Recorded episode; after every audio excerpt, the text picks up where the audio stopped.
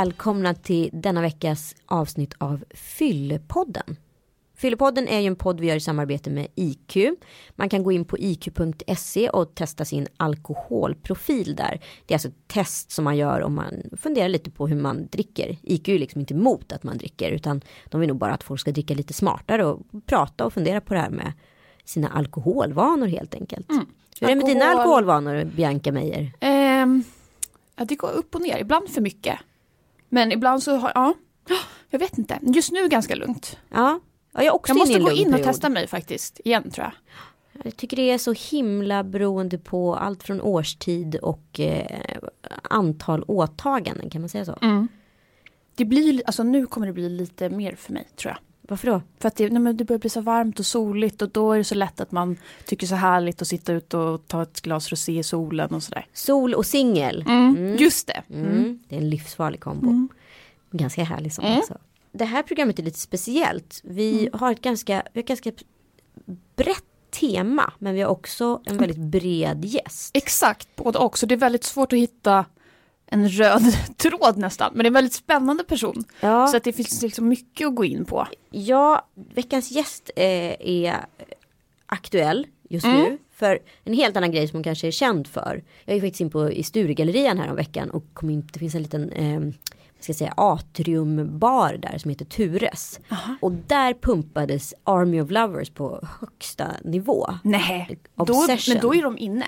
De är superinne och jag fick såna här superflashbacks till 90-talet när jag åkte upp till Stockholm med mina föräldrar och man kunde säga just i eh, Sturegallerian var så specifik för mig för där sprang jag nämligen på Mauro Scocco som var en av mina stora husgudar då och också våran gäst. Och jag fick så här, åh gud vi är tillbaka på 90-talet, fan vad härligt. Mm. Jag får också supernostalgi. Ja. Mina föräldrar spelade alltid eh, deras låtar när jag var arg. Ja, perfekt. Då, då lugnade jag mig och blev glad och började dansa. Sådär. Exakt, mm. det är ganska manisk musik. Ja. Nej, det är verkligen. Men hon håller på med så himla mycket. Jag förstår inte hur hon har hunnit med allt. Nej, men alltså hon har en liksom livstid gjord på så här en halv livstid ja. eller mindre än så. Vad är det? Det, är äh, artisteri, ja. PR, design, modellande. Modell. Eh, ja, men Entreprenör, hittat på massa Hur mycket var det webbsidor. Ja. Och, jo, du mat också. Mat. Hon, hon vann något jättefint pris för bästa etniska kokbok. Exakt. Mm. Ja, det ska bli väldigt kul att presentera våran gäst. Mm -mm. Dominika Pesinski.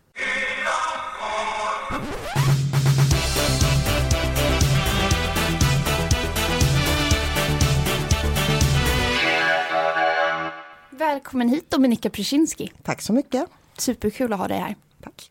Hur har din alkoholrelation eller vad man ska kalla det sett ut genom livet? Jag tycker att jag har varit ganska jämn genom mitt liv. Jag har ju jobbat som popstjärna i många år. Mm. Och eh, då, då, det gör du fortfarande? Ja, jag ja. jobbar som det, ja. det ibland. Mm. Men numera är det mest som en hobby, fast ja. jag får betalt. Fast mm. det är mer som en hobby. Mm. Men då fick jag lära mig ganska tidigt av liksom äldre branschkollegor och sådär att man skulle passa sig för att ja, dricka. Fick du det? Ja, jag tror folk mm. pratar en del om det. Liksom. För alla, alla som jobbar i den branschen är rätt medvetna om, om liksom fallgroparna. Mm. Och fallgroparna är ju skulle jag säga inte så mycket liksom efterfester och så för att det, det tröttnar man på utan det som är liksom egentligen är fallgropar det är att man börjar dricka ensam på hotellrummet och sådana där grejer. Vadå, berätta ähm, Nej men jag tror att, att man, man, har så, man, man har så jäkla många hotellnätter. Men och, hur, ser det, hur ser det turnéliv ut bara för någon som inte vet? Ja man, man kommer någonstans. Mm. Eh, jag kan säga hur det såg ut när det var som värst för ja. vår del. Då kommer man någonstans med första morgonflyget jäkligt tidigt. Och sen så um, kör man uh, smink, hår. Um, eller så gör man det på eftermiddagen, kör man liksom intervju, kanske radiointervju på förmiddagen. Ding, ding, ding. Kör, har man någon hotellsvit så tar man emot där och så har man kanske 20 radiointervjuer. Sen kanske man kör smink efter lunch och då tar man liksom foton. Sen tidig kväll då är det något tv-framträdande och sen har man en paus och sen sent på natten är det någon slags spelning. Mm. Och det som händer i den här pausen ofta då mellan att man har gjort sin tidiga kväll och sin sena kväll. Då är man ofta på rummet själv. Mm. Eh, för då vill man ta det lugnt liksom och inte prata med folk för har babblat hela dagen. Um, och så vill man komma ner i varv lite grann och sen så är det, tror jag väldigt lätt hänt att man sitter och pimplar ensam på hotellrummet. Och mm. Det tror jag är jättefarligt. Det är nästan farligare än de här liksom att man måste ta en drink innan man går upp på scen, vilket många gör. Vilket jag inte gör tror. Ja, ja det, det, är klart att de ja. gör. Det är klart att ja, de gör. Sig, det är, alltså, det är ett liv där man är så jäkla uppe i varv. Och, och, och man behöver liksom komma ner i varv. Mm. Det är mm. det folk använder det som, som ja, för att komma ner i varv.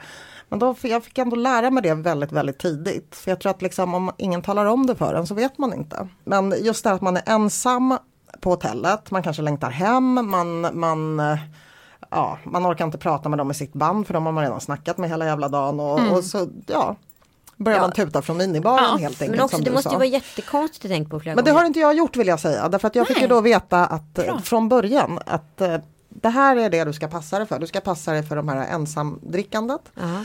på rummet och du ska passa dig för drinkarna innan du går upp på scen. Vem var det som, som var så snäll och tipsade dig om det där? Då? Nej men jag hade ju turen att liksom vara med i ett band där folk var lite äldre och lite mer erfarna. Vi slog ah. ju inte igenom samtidigt utan när jag eh, gick med i Army of Lovers då hade ju de redan slagit igenom. Det, det, där hade jag ju fördelen av att eh, kanske också ersätta en person som hade haft en viss problematik och det har ju berättat om själv också. Ja, ah, Camilla. Ja, eh, så att jag fick rätt mycket varningar om man säger så.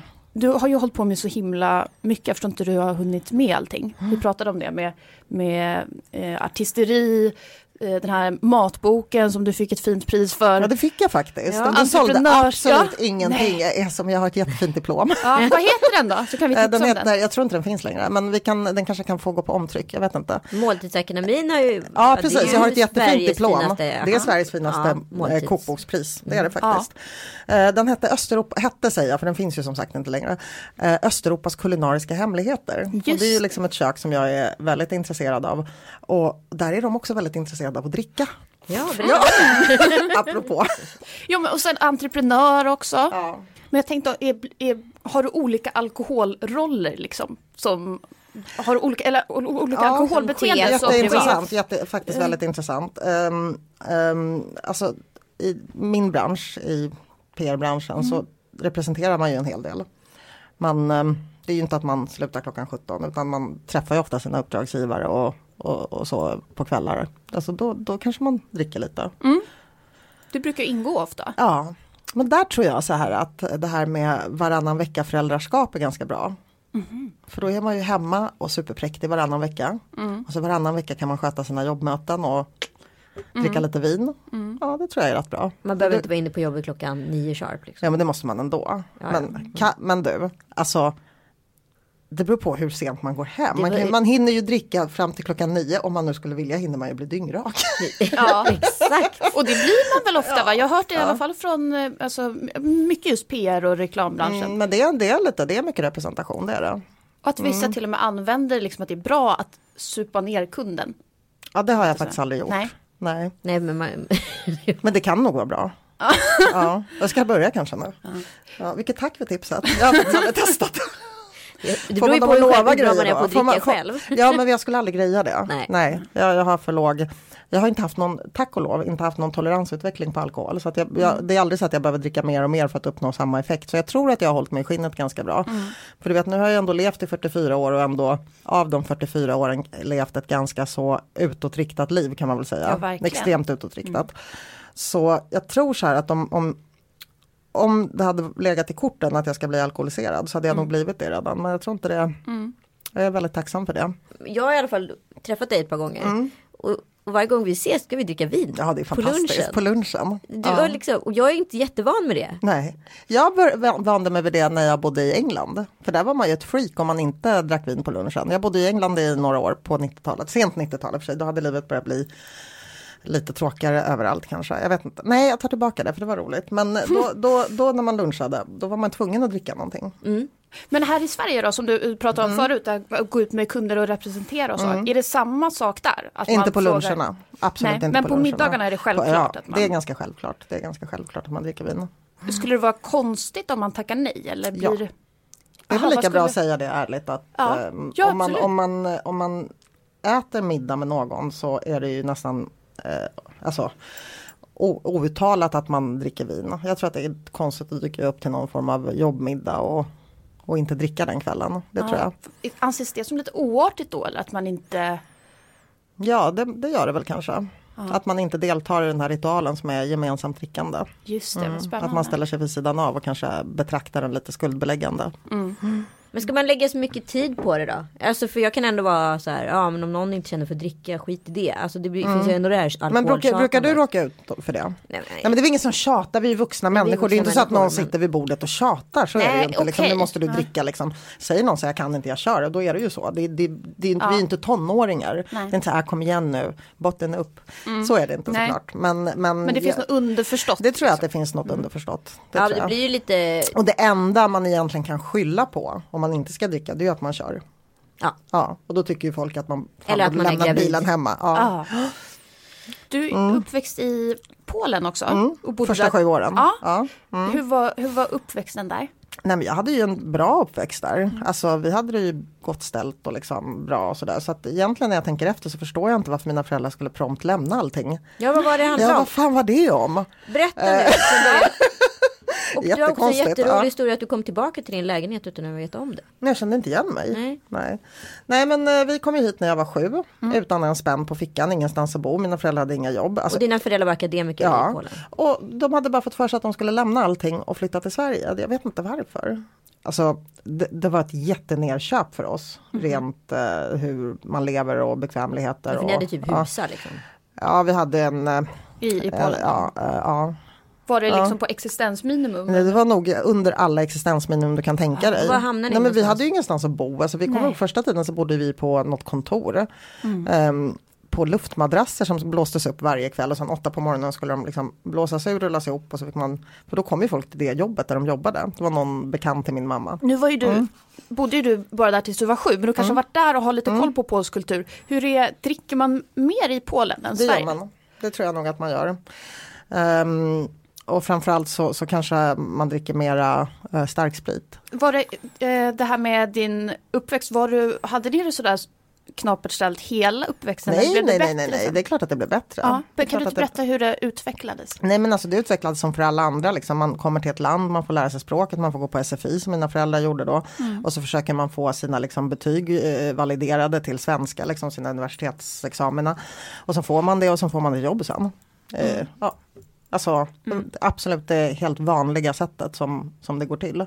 Ja, men de verkar Så, vara ja. duktiga. Ja men du vet polacker är rätt duktiga om Mm. jag får säga så. Det är faktiskt, fan vad de kämpar. Precis som jag så kommer du från en judisk familj. Mm, Jag har funderat på om det inte är så att man dricker, alltså att judar har, alltså dricker lite mindre. Judar dricker betydligt mindre. Det är ja, så? Det är så, det är men så. Vad, är det något religiöst? Eller Ja, jag har någon... funderat lite grann på det där. Ja, Men det, det, det är verkligen så. Ja.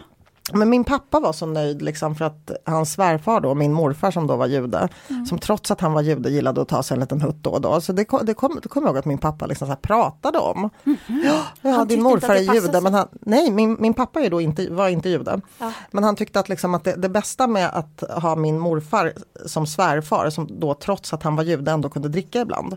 Mhm. Så jag vet att det har varit så här samtalsämne liksom, apropå det att judar dricker mindre. Hur uppfostrar du Hanna? Hon är Nej, 13 hon får nu. inte dricka.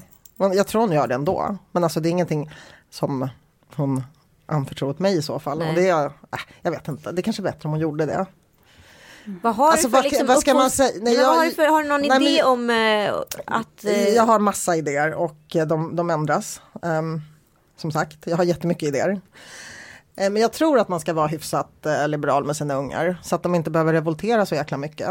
Och det, baserar ju bara på min egen uppväxt som var ganska auktoritär och då hade jag ju så jäkla mycket att revoltera mot. Och det slutade med att jag flyttade hemifrån när jag var 15-16 för att jag orkade inte med massa Men vadå? regler. Och det Berätta. tror jag inte är så jäkla bra. Berätta, vadå? Ja, jag tror att eh, vad man än gör och hur mycket man än ställer till det Mm. så ska man känna att liksom, det inte är för illa att man inte ska palla komma hem för att föräldrarna blir så jävla sura och gapar och skriker och liksom. Mm, det håller jag med om. Men vadå, var dina föräldrar superhårda? Mina föräldrar var jättehårda och det resulterade i att jag flyttade hemifrån som väldigt ung för att jag orkade inte med det där. Nej. Ehm, och då känner jag att jag måste låta Hanna ha mycket mera frihet än vad jag hade i den åldern så att hon inte ska komma på tanken att dra. Precis. Ja. Ja, så, Så, så, gapa och skrik funkar aldrig? Nej, jag tror att man kan, man kan få precis eh, motsatt reaktion mot vad man hade hoppats på. I värsta fall liksom att barnet sticker. Ja. Men har ni pratat om alkohol eller? Ja, vi pratar om allt. Vi Ja. som, hon och jag är ju som, ah, vi snackar om precis allting. Mm, Det finns inget filter. Ehm, Jag säger till henne att uh, hon inte ska dricka någon konstiga hembränt grej. Att, att hon ska passa sig för metanol säger jag väldigt mycket. Mm -hmm. Det är fokus mer på det här på för, mig, för, mm. för mig är fokus alltid säkerhet, ja. inte moral. Nej. Det är alltid säkerhet som är fokus för mig när det gäller barnen. Mm. Inte att jag ska liksom pådyvla dem mina principer eller någonting, liksom att, att jag ska lära dem ett visst sätt att tänka eller vissa värderingar. Utan det är säkerhet som är fokus. Hon ska inte dricka något skit som hon blir förgiftad av, hon ska inte bli våldtagen. Sådana saker. Mm. Och sen har jag liksom inga egna värderingar som jag det är klart att jag påverkar henne mm. med mina värderingar, vilka de nu än är. Men jag, jag, försöker göra så gott jag kan för att inte göra det. Då måste man balansera lite grann, för man vill ju mm. varna sina ungar men man vill samtidigt inte att de ska vara rädda för världen, för det är skittråkigt Nej. också. Och inte rädda för dig heller, som du sa. Ja, det är en sak. Det är en sak. Men, men, men, inte att jag blir sur, men att jag säger akta dig för det här och akta dig för det här och akta dig för det där och akta dig för det där. För det finns mm. ju liksom någonting i en som vill liksom varna i alla fall sin dotter för precis allting. Mm. Och samtidigt så tänker jag, jag ska inte skrämma upp henne för mycket så att hon liksom slutar lita på människor, slutar vara äventyrlig. Liksom, för allt det där ska man ju också vara. Man ska ju ha en aptit på livet och på världen. Eller hur? Och inte mm. sitta på sin jävla kammare och vara rädd för allting Nej. för att mamma har skrämt upp en. Nej. Nej, så det är där jag försöker balansera. Men börjar man dricka vid 13? Ja, det kanske var jag som var sen då. Det men jag tror att man börjar dricka vid 13. Ja, alltså jag, jag vet inte när, jag, det, det, är inte så att hon berättar det här för Nej. mig. Jag säger att det kanske hon gör. Hon fyller 15 nu i sommar. Um, när jag var 15 hade jag druckit.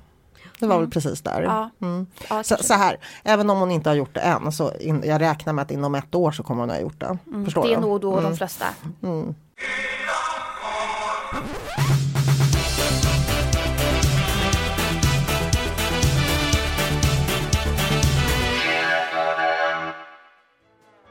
Andelen niondeklassare som har testat alkohol har sjunkit kraftigt de senaste åren. Idag är det mindre än hälften av alla niondeklassare som uppger att de testat alkohol, vilket är den lägsta siffran sedan 1971.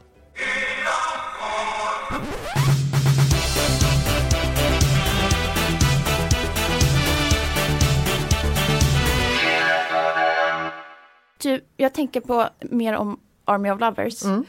ni måste ha betytt väldigt mycket för, eh, vad ska man säga, för queer och hbtq-rörelsen. Mm, jättemycket, jag tror mycket, mycket mer än vad vi egentligen själva förstår. Ja, men det, jag tänkte det, mm. så jag vet inte om man har pratat om det så mycket, men man alltså, borde prata ni var ganska det. revolutionära mm, där. Mm, det var vi faktiskt, alltså, eh, och är det på många håll i världen fortfarande. Där, där det inte är samma status för, för homosexuella som, som i Sverige. Så på många håll i världen så är vi fortfarande någon slags eh, stöd och, och och kanske ventil. Vi åker ju till Ryssland ofta. Och där Nej, vad spännande. Ja, det, det är spännande och det är spännande också för att vi får så jäkla mycket uppskattning just för den den delen av vår verksamhet. Liksom, att många och det måste vara ganska vi... kontroversiellt i Ryssland. Ja, det är det ju inte. Man tror att det, det inte? inte vad vi märker. Alltså de som hatar oss kanske inte kommer och betalar. Både i ett uttryck, alltså bara mm. genom att vara de ni var så mm. känns det som att ni gjorde någonting för, ja, det är det för den rörelsen. Det är men... det som är så bra för man behöver ju liksom inte säga så jäkla mycket utan det som ska sägas sägs självt. Mm. man behöver inte också... hålla på och mala på liksom. Om... Nej, men ni gjorde något rent politiskt också. Jag vet i alla fall en grej. Det var, någon, det var någonstans ni var med, där ni ville ha med en ko upp på scen. Ja, ja, nej, men, ja, vi var ju på en bröllopsturné en gång i tiden mm. uh, i Tyskland. Det var faktiskt ganska roligt. Ja, när, och det när, var ju som en protest mm, mot Nej, något. det var inte som en protest utan det var ju för att uh, vi tyckte att de skulle uh, de skulle införa då, ja, att bögar kan gifta sig Just och lesbiska. Um, jag kommer inte ihåg vilket år det var för det har ju hänt sedan dess i Tyskland. Men då, giftes, då, då, då gick det, åkte vi runt och så gifte sig Alexander med en ko. Mm. För det var liksom. mer lagligt? Ja, det var inte lagligt, jag tror inte det räknades som, jag tror inte det ja. blev registrerat någonstans faktiskt. Men han gifte sig med en ko i alla fall. Och den här stackars kossan, jag vet inte, det kanske inte var samma kossa, det kanske var olika kossor på, jag tror vi gjorde så här 20 stopp på den turnén. Och den här jävla kon, alltså in på nattklubbar och den sköt på sig och grejer. Fy fan vad äckligt det var. Men det var en jättekul idé ju. Ja, det var en rolig idé. Ja. Men mm. är, det många, har, är det många som hört av sig till er och liksom tackat er? Eller? Mm, ja, det är svårt att höra av sig till oss. Man, får ju, liksom, man vet ju inte var vi finns direkt. Men, men det är absolut våra skivbolag och så är det många som har hört av sig. Ja. Och det finns ju många liksom, nätfora där folk eh, tycker att det är tack vare oss som de har kunnat komma ut. Och, det är sant? Så, ja, ja, absolut. Det är väldigt stor utsträckning är det så. Mm. Jag gick faktiskt in i, i, jag sa det precis i försnacket innan du kom hit, eh, i eh, Sturegallerian mm. och där pumpade de på högsta volym Army of Lovers Crucified. Underbart. Ja. ja. Vad händer nu? Berätta. Nej men vi har ju, vi har ju återupptagit det där fast ja. på, på en extremt eh, hobbyaktig nivå. Mm. Så att eh, vi är ute och spelar och så då har vi gjort lite nytt material och liksom det, det, det, får bara vara på kvällar och helger. Det får inte gå ut över våra dagjobb. Eh, vi vill ju såklart ha betalt för det vi gör men det är ändå mer det som en hobby. Det är som liksom tre tanter på turné. Fast vi är inte på turné. Och, och Alexander. Alexander. Ja. Eh, men det är ju inte turné, för turné kräver ju att man åker på i alla fall med två stopp utan att åka hem emellan. Det gör inte vi. Nej, Nej för det orkar vi det inte. inte. Nej, det orkar vi inte. Men kan man se er? Alltså, skulle jag kunna gå och se er någonstans? Nej, eller? inte i Sverige. Nej. Nej, vi spelar inte i Sverige. Ute i Europa? Ja, ja, vi spelar inte i Sverige. För att vi får, folk dyrkar inte oss tillräckligt mycket här. Nej. Så vi vill åka utomlands och bli dyrkade förbehållslöst och det, kan man inte, det blir man inte i Sverige. Nej. Inte om man är svensk i alla fall. Er, Att ni har fått jag, tror att det är så för, jag tror att det är så för alla oavsett vilket land de kommer ja. ifrån. Att liksom, här, liksom, jag tror så att när, man, när vi åker till något annat land så har de ju inte sett liksom, de har inte sett oss på tunnelbanan, de har inte sett några fula bilder i Hem till veckan, liksom, vad som helst. Utan då är man ju liksom bara det. Mm. Bara de här superuppklädda, jätteglada, mm. jätteglamorösa människorna. Avstånd, det är större liksom, avstånd. precis. Ja. Exakt, exakt. Precis. Men, här kan man inte vara det, det nej. går inte för man är för liksom eh, hejsan tjena liksom. Sverige är för ja. litet, man ser ju kändisar på gatan ja, ja, ja, ja, ja, ja, ja. Om man har tokat till det på så många andra fronter. Och... Men det blir inte liksom folk börjar inte skrika och tapp, tappa all sans om du kommer ner till liksom, Ullared. Men det kanske man gör. Jag har aldrig varit i Ullared. Jag kan inte, i Bratislava är de gladare ja. än i Ullared. Det, så är det ju. Ja. Absolut, absolut.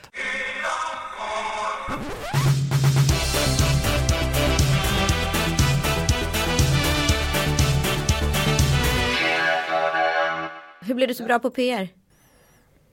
Uh, jag blev bra på det, ska jag säga det? Kan inte, nej, men jag kan inte säga det, det låter ju helt bananas att Men när fattade själv. du att du hade gåvan? Nej men alltså jag fattar ju att, jag, att jag, det var någonting jag kunde jobba med när jag höll på med Love Search. Då fattade jag ju det liksom. Och sen så var jag på en fest och så pratade jag med en PR-tant där. Och så frågade jag henne, vad tycker du att vi ska göra? Jag tänkte jag skulle utnyttja henne lite gratis eftersom ja, vi var på en fest. Så där. Så sa hon, men du behöver inte mina råd för du vet ju precis hur man gör. Och då tänkte jag att det kanske jag gör. Och eh, när vi hade sålt Love Search då var jag tvungen att ha ett jobb och då startade jag PR-byrån. Och Love Search, vi, ja, vi, vi måste lyssnarna. Det, det, ja, det, det, var ju det var eh, faktiskt Nordens första dejtingsajt. Mm. Och hur var, kom du på den idén? Nej men alltså jag vet faktiskt inte hur jag kom på den. Det var bara att alla skulle starta sådana här bolag då. Alla skulle hålla på med e-handel och dotcom hit och dit och alla konkade liksom. Då hade de inte börjat konka i och för sig. Nej men då pratade, pratade jag med mina kompisar och de skulle liksom frakta grejer och det skulle massa logistik och skit liksom. Så tänkte jag vad kan man göra som, som inte har något element av logistik liksom och då är ju dating ganska bra. Just det. Mm, för då kan ju alla frakta sig själva och Är du en bra matchmaker? Mm.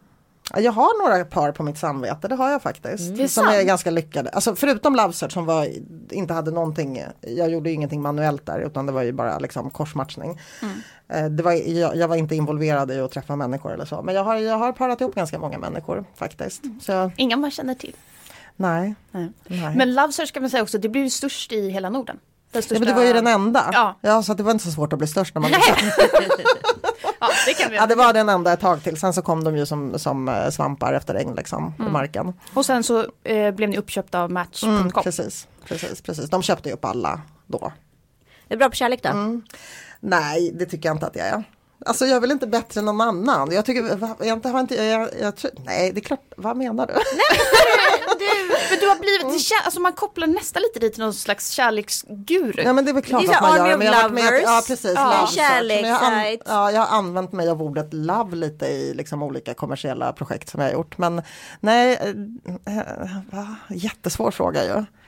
Vad ska man svara på den? Är du, är du en mm. bra... Är du en jävel på kärlek? Nej men är du en bra fru, flickvän, eh, alltså vad är det ja, som är det, så jäkla det... kul med dig? Ja men man har kul med mig. Man På har kul med mig. Nej, men man har roligt med mig. Så det är väl det jag har att liksom erbjuda om man säger så. Du kan inte göra så mycket mer än att säga. Mm. Vad sa du? Nej det, det, går, det räcker ju liksom, ja, långt. Ja, jag tror kul. det. Jag tror att jag är roligare än de flesta flickvänner. Mm, det tror jag. Men eh, bortsett från, alltså jag är ju helt ohuslig och sådär. Så att... totalt oduglig. Totalt oduglig. Fast du har ändå släppt en kokbok. Ja, ah, nej, nej, men det, det, är någon som ska diska efteråt också. And it ain't me.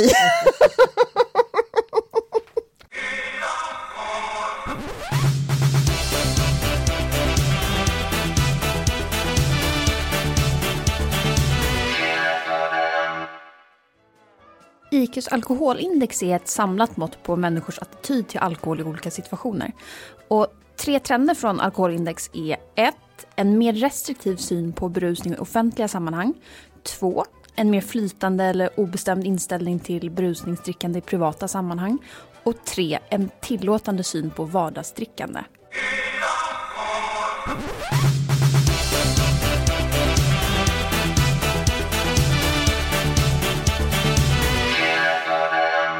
Du separerade precis innan jul Mm. och är nu mera ensamstående. Fast jag tycker inte man kan säga att man är ensamstående om man har barnen varannan vecka. Alltså, okej. alltså så här, jag, jag tror man måste ha barnen heltid för att kunna. Jag skulle jättegärna vilja kalla mig för ensamstående mamma. För att då kan man inkassera tjänster från folk. Ja. Men jag tror inte jag kan det. Nej. Jag tror att det kräver att man är med barnen heltid då. ja, precis. Mm. Varannan vecka så tror jag inte man kan, då är man bara varannan vecka morsa liksom. livet finns ingen ära, det finns ingen ära eller uppoffring i det liksom. Jag, jag, vet du vad, alltså, så här, jag tycker det är rätt skönt att ha barn varannan vecka. Om jag ska vara helt ärlig. Jag har ju, min det dotter, båda barnen varannan vecka Ja. samtidigt? Ja, ja alltså, annars skulle de ju, ett, jag skulle aldrig få vara själv. Två, Nej. de skulle aldrig träffa varandra. Just så det vore ju ganska sorgligt om jag hade dem olika veckor liksom. Men sen min dotter kom, hon är ju så stor, hon kommer ju går som hon vill. Så vill hon träffa mig på en onsdag som inte är mammavecka, då kommer hon ju bara. Men jag hade ju, jag separerade ju ganska tidigt från hennes farsa, typ när hon var ett halvår. Ja. ja. Och sen så har jag ju haft henne varannan vecka hela tiden sedan dess. Så att jag har det liksom i blodet lite grann. Att jag har barn varannan vecka. Alltså jag har verkligen vant mig vid den livsstilen.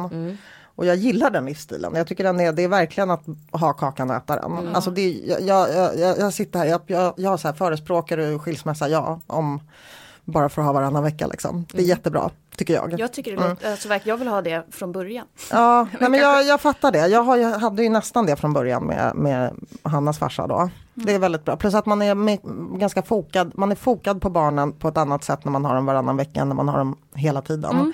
Och så är man ju också själv med dem. Det är inte en vuxen person där som eh, pockar på uppmärksamhet. Så man ju, om man är ihop med dem måste man ägna sig lite åt dem också. Eller hur? Så att egentligen så tror jag man är mer med barnen fler dagar. Men jag tror att de får mera fokus om man är Ja men det håller jag verkligen med om. Mm. Ka- Kalle var borta nu fem dagar och då var jag själv med båda liksom. Och då är du ju verkligen med dem. Och Då ska det du inte hålla på och mycket du- gulledutta med Kalle hela tiden som ska ha uppmärksamhet. Eller hur? Nu, nu är inte han så uppmärksamhetskrävande. Det men... är klart att han är. Ja, lite då. Ja. Men, eh, men eh, det var väldigt mycket enklare. Jag märkte att åtminstone att eh, min stora tjej som då Mm. snart är fyra. Hon blev väldigt mycket större. Ja. För hon fattade att hon hade helt plötsligt en ny roll i Mm, relationen. Eh, för nu är det vi två som tar hand om den lilla istället för att det fanns två vuxna. Och hon, ja. Sen vet Och jag, tänk om min dotter kunde tycka att hon kan hjälpa mig lite med den lilla. Den tanken har inte fallit henne in. nej men hon Nej. är, hon, är, hon är förbi Alltså hon det. gör, hon gör en om och hon ska, då ska hon ju ha pröjs. Och hon ska ha jättemycket mer pröjs än Men vad smart ju! en, Hon är ju en hon, vanlig barnflicka skulle ha Hon tagit kommer om jag bli skulle en ringa. Du borde ju Kvinna. uppfostra dig själv Dominika. Ja, nej men alltså allvarligt talat, för då vet hon att då tar jag hellre henne än och ringer, liksom kolla, börjar kolla på en jävla förmedling på nätet. Hon är ju närmare och det är bekvämare och hon känner Harry redan. Ja, nej, jättedyrt där. Alltså vet att jag fick betala henne och hennes väninna 600 kronor när vi var i Dubai och då fick jag vara ensam i en timme och 20 minuter. det var. Det bra taxa. Måste jag 600 säga. spänn kostade det. Men de var vi två, ja men det spelar väl inte mig någon roll, jag kan beta- inte betala 600 kronor för en timmas barnpassning. Ja skit i det. Och jag bara, jag måste vara själv, jag måste vara själv en timme. hon det har förstått timmen- det här med utbud och efterfrågan. Hon har förstått det här med utpressning. Herregud. Snarare. Ja. Mm, alltså, min dotter är ju den åldern när hon är väldigt upptagen av sig själv. Ja. Och struntar ganska fett i vad hennes mamma gör. Ja, vad bra. Ehm, ja det, det är jätteskönt. Det är faktiskt jätte, jätteskönt. Men du är inte pinsam än? Jag är extremt pinsam, men så länge som jag inte, alltså jo, jag är så, jag är så pinsam. Ja. Jag är så pinsam. Hon är ju livrädd nu för, för, när jag har spelat in där Idol med Alexander när vi har varit ute på vår lilla turné. ja, för du ska vara med i juryn i Idol. Ja, precis. Ja, inte så, utan jag är hans, liksom på en del av turnén är jag med som, som Alexanders kompanjon, liksom, Okej, som ja. jury. Ehm, då, då har jag ju skrämt henne och sagt att jag också ska gå på audition och sjunga. Och så, hon tycker jag sjunger så jävla dåligt. Så hennes stora skräck är att jag ska sjunga liksom a cappella någonstans i tv.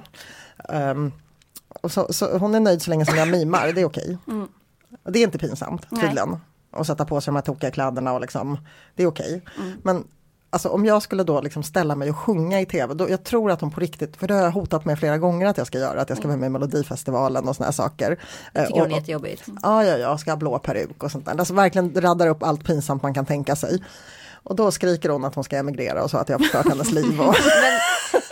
jag ska men- inte reta henne med sånt. Men jag... Vi ska inte gå in på det här men nu har du varit lite, du har varit lite på några löpsedlar Ja. under ett tag här. Ja men det skiter hon Det fullständigt skiter hon i. Det tycker hon inte är jobbigt. Fullständigt, fullständigt. Alltså jag vet ju exakt vad hennes liksom ömma punkter är och det här liksom med mammas sångröst är inte bra. Det är, ingen ska veta hur dåligt mamma sjunger. Hur kommer du vara som jurymedlem? Men nej, du skulle inte vara Jo, jury- jag är ju det, men liksom inte sen i direktsändningarna utan jag är ju liksom någon slags sidekick, jury-sidekick till Alexander på just de här tre stoppen som vi har gjort. Så det är liksom ett ny, en ny grej i Idol som inte har det är nytt för i år liksom när, när de gör den här avskedsturnén då för det här är deras sista år som Idol-jury. Just det. Eh, och då har de ju lagt till det här att alla tre åker med varsin person som de själva har valt och åker till sina egna städer och, och letar efter idoler. Och då var ju Alexander och jag i Arvidsjaur, Kiruna och Åre och träffade massa, massa, massa, massa människor som bara sjöng och sjöng och sjöng. Ehm, ja, Får vi höra något bra då? Kommer, blir- kommer det bli jo det kom, det kom bra människor där, absolut. Hur är du som, alltså när du ger kritik och sådär? Nej men ehm, första dagen så var jag, tror jag var ganska mesig och sen så tröttnade jag på att vara mesig och hostade, spottade upp mig lite grann. Ehm, precis i början, precis sådär, då, då, då iakttog jag Alexander ganska mycket. Så vad gör han, vad tittar han på? Sen kan jag inte bedöma folks musikalitet, för det, det är inte jag kompetent att göra. Nej. Jag kan inte bedöma det det. kan Alexander. Det kan Alexander. Varför skulle Ehm, inte du vara kompetent? Därför fattar att jag kan, ingen, jag kan inte musik. Alltså jag kan inte musik. Det jag däremot kan, det är om jag kan se en människa ganska snabbt och det är från mitt jobb som PR-dam då, eller vad man ska PR-konsult. Att jag hyfsat snabbt kan avgöra ifall man kan bygga ett kändisskap kring en person eller inte. Gud vad Det spännande. kan jag avgöra. Och Du, du kan se det här om någon har det här jag kan se, ja, ja precis, det tror jag att jag kan se. Och det är inte bara liksom, det är naturligtvis utstrålning och sådana där grejer också, men hur man, hur man eh, berättar om sig själv, vad man har att berätta, vad man har för bakgrund, hur man, kan, hur man presenterar den. Liksom, om, man, om man kan fånga människors intresse liksom, även när man inte sjunger. För det är exakt lika viktigt. Alltså du måste ju kunna, som, som, som, en, som en stjärnas idag, eller egentligen alltid, så har du del, dels din persona som är liksom skådis eller sångerska eller sångare eller vad det nu än är. Men sen måste du också kunna upprätthålla människors allmänhetens intresse för dig som person när du inte arbetar. Eh, och den är jag ganska bra på att bedöma ganska snabbt om det finns någonting att hämta eller inte. Gud vad spännande. Kan vi För det är så här, man, man kan ju typ inte, alltså det går inte att beskriva, eller hur? Den där, um, eller kan man sätta något ord på? Ja men om man, ska, om, man ska, om man ska bortse från att man ska ha någon form av karisma naturligtvis. Ja. Så måste man också kunna berätta om sig själv och liksom på något sätt. Jag, jag tror inte man kan vara korkad och vara popstjärna till exempel. Jag tror inte det går. Man måste kunna kommentera sin omvärld. Man, måste, man är som alla andra konstformer, även liksom popmusik, en slags samtidskommentar. Och förstår man inte sin samtid och inte kan kommentera den på ett liksom vettigt sätt som fångar människors intresse så tror jag att man har begränsad framgång även som popstjärna. Gud vad intressant. Men om man nu skulle göra en checkbox på Eller så får man omge sig med människor som är väldigt bra som säger Ja. till en vad man ska säga och vad, vad för uttryck man ska satsa på. Men det kan man inte riktigt i början. Utan i början måste man ju slå sig fram på, på egen hand. Men vad är en checkbox på, låt säga Måns Zelmerlöw som är en sån här Ja, men just nu, just nu så tycker jag att han är rolig för att han ska berätta om sitt kärleksliv för alla. Det tycker jag är roligt. Men då håller han ju igång intresset. Ja. Ja, det tycker jag. Det, det gör han bra. Du gör tummen upp ur PR-perspektiv. Ja, ja, ja, absolut, absolut. Och sen så, så, så tror jag att han liksom, i hans fall så, så, så kanske han har satsat på att vara lite snäll.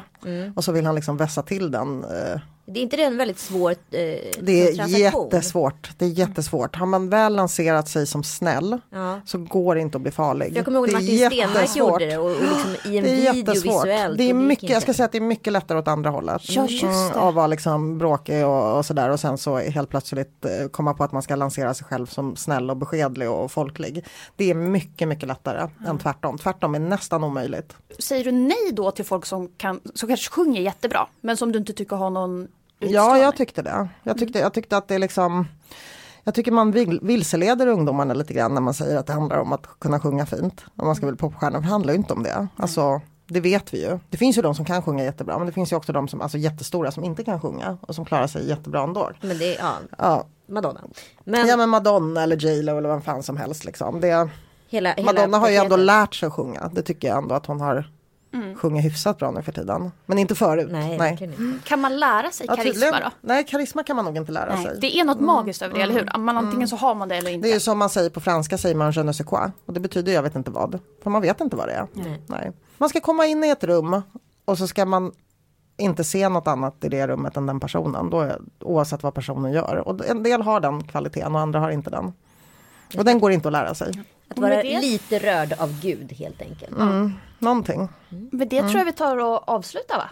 Exakt. Mm. Gud vad kul att få prata med dig Dominika. Ja, tack så mycket. Eh, jättekul att ni har lyssnat. Vill ni veta mer om IQ så gå in på iq.se och där finns även information om podden.